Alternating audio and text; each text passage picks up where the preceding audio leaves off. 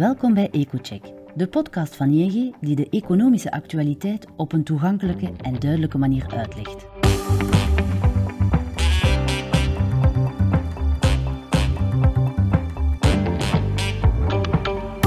Om de twee weken buigen onze economen zich over de meest besproken gebeurtenis en analyseren zij de economische en financiële gevolgen voor u of uw onderneming.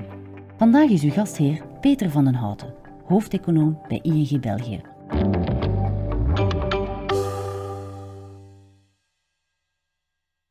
Welkom in deze nieuwe aflevering van EcoCheck. In de vorige aflevering van de podcast hadden we het over de sterke dollar. De dollar profiteert meestal van geopolitieke spanningen en dat is dan ook een van de redenen van de appreciatie van het groene biljet in de eerste jaarhelft. Maar het is niet het enige actief dat invloed ondervindt van de oorlog in Oekraïne. Ook de olieprijzen zijn sinds begin dit jaar flink gestegen. Gezien er de voorbije week nogal wat aankondigingen zijn geweest die de oliemarkten beïnvloeden, is het goed om daar even bij stil te staan.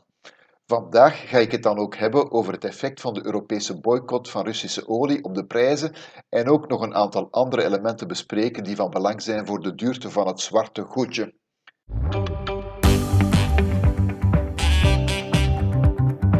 We luisteren naar de analyse van Peter.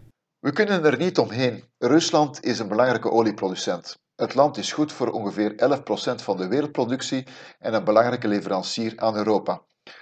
Het feit dat Vladimir Poetin rustig de groeiende dagelijkse instroom van euro's en dollars kan tellen, steekt natuurlijk heel erg in Europa dat Rusland zoveel mogelijk wil straffen voor de inval in Oekraïne. De Europese Unie heeft recent nog een schepje bovenop gedaan door een partiële boycott van Russische olie op te zetten als onderdeel van een nieuw sanctiepakket. Dat was trouwens een van de redenen van de nog duurdere olie de recente weken. Het oorspronkelijke voorstel was om alle invoer van Russische ruwe olie in de EU te verbieden, maar dit stuitte op verzet van Hongarije en een aantal andere Midden- en Oost-Europese landen die sterk afhankelijk zijn van olie uit Russische pijpleidingen. Daarom heeft de Europese Unie ermee ingestemd de pijplijninstroom voorlopig vrij te stellen en in plaats daarvan in de komende zes maanden alleen de invoer over zee te verbieden. De invoer van geraffineerde producten zal in de komende acht, maanden worden stopgezet. Hoewel de pijplijnstromen zijn vrijgesteld van het verbod, is het waarschijnlijk dat we deze stromen toch zullen zien afnemen. Duitsland en Polen hebben immers te kennen gegeven dat zij ernaar zullen streven de Russische stromen tot nul terug te brengen in de toekomst. Dat is belangrijk aangezien zij precies de grootste afnemers zijn van Russische olie via de Druzhba-pijpleiding. De vrijstelling van pijplijnstromen zal waarschijnlijk ook tijdelijk zijn. De Europese Unie zal er nog steeds naar streven Hongarije en andere landen ertoe te brengen hun afhankelijkheid van Russische olie over een langere periode te verminderen. Rusland zal natuurlijk proberen om eh, de olie die ze niet meer in Europa kwijt kan elders te slijten en China en India zijn gretige afnemers, dat is ook zo gebleken de vorige maanden, zeker als dat met serieuze prijskortingen kan gebeuren. Maar het is toch wat omslachtiger om olie naar deze landen te transporteren, omdat zo goed als alle pijpleidingen vanuit Rusland naar Europa gaan. Bovendien gaan er in Rusland ook stemmen op om minder te gaan produceren. Dus het lijkt waarschijnlijk dat niet alle Russische olie zijn weg naar andere regio's zal vinden, waardoor er de facto een vermindering van het wereldwijde aanbod van olie zal zijn. Dat is onmiddellijk de reden waarom de prijzen de jongste weken flink in de lift zaten. Begin dit jaar schommelde de olieprijs nog rond de 80 dollar per vat.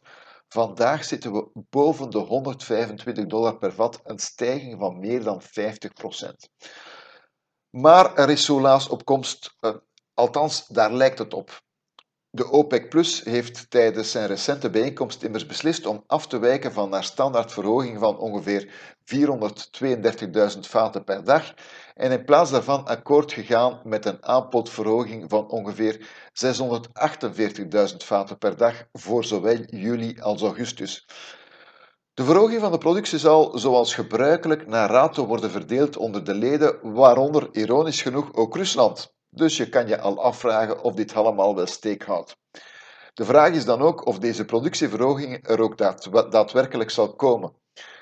Het belangrijkste punt is dat een aantal OPEC-plus-producenten nu al moeite heeft om hun productiedoelstellingen te halen, zelfs met de kleine, kleinere maandelijkse verhogingen die we hebben gezien. Het is dan ook onwaarschijnlijk dat de groep er de komende twee maanden zal in slagen om deze meer agressieve aanbodverhoging te realiseren. Rusland zal zijn productie waarschijnlijk zien blijven dalen, omdat de sancties steeds meer effect beginnen te sorteren. En de meeste andere producenten hebben niet de capaciteit om hun productie veel verder op te trekken dan hun huidige niveau.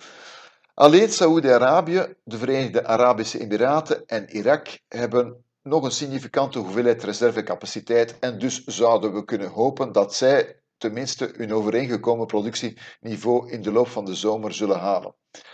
Als deze landen bereid zouden zijn om nog meer te produceren dan hun streefniveau, zou dat uiteraard nuttig zijn voor de markt, omdat zij dan het tekort van de andere producenten zouden kunnen compenseren. Maar bij eerdere akkoorden hebben zij nooit boven hun overeengekomen productieniveau gepompt. En ze zullen waarschijnlijk ook nu aarzelen om te veel van hun reservecapaciteit in te zetten. Dat betekent meer dan waarschijnlijk dat de markt eerder krap zal blijven, wat uiteraard synoniem is voor een hoge prijs. De economische gevolgen van dit alles zijn niet zo prettig. Zelfs als er in Europa de drang is om de energieproductie zo snel mogelijk te vergroenen, mogen we niet vergeten dat dit een proces van lange adem is en dat de olievraag wereldwijd waarschijnlijk nog een jaar of tien zal blijven stijgen.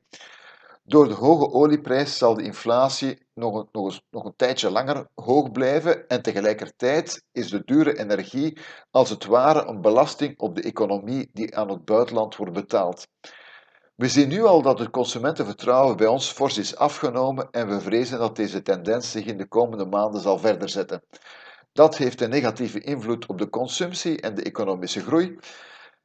De, de oorlog in Oekraïne wordt hier met andere woorden ook steeds meer economisch gevoeld. En de sancties, hoe goed ze ook bedoeld zijn, doen niet alleen Rusland, maar ook ons pijn. Dat is helaas de spijtige realiteit.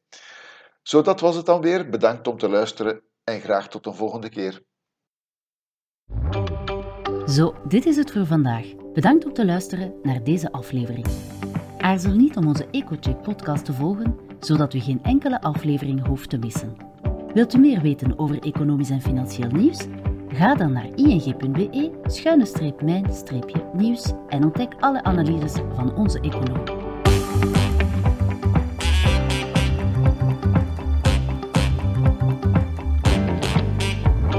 Graag tot de volgende aflevering.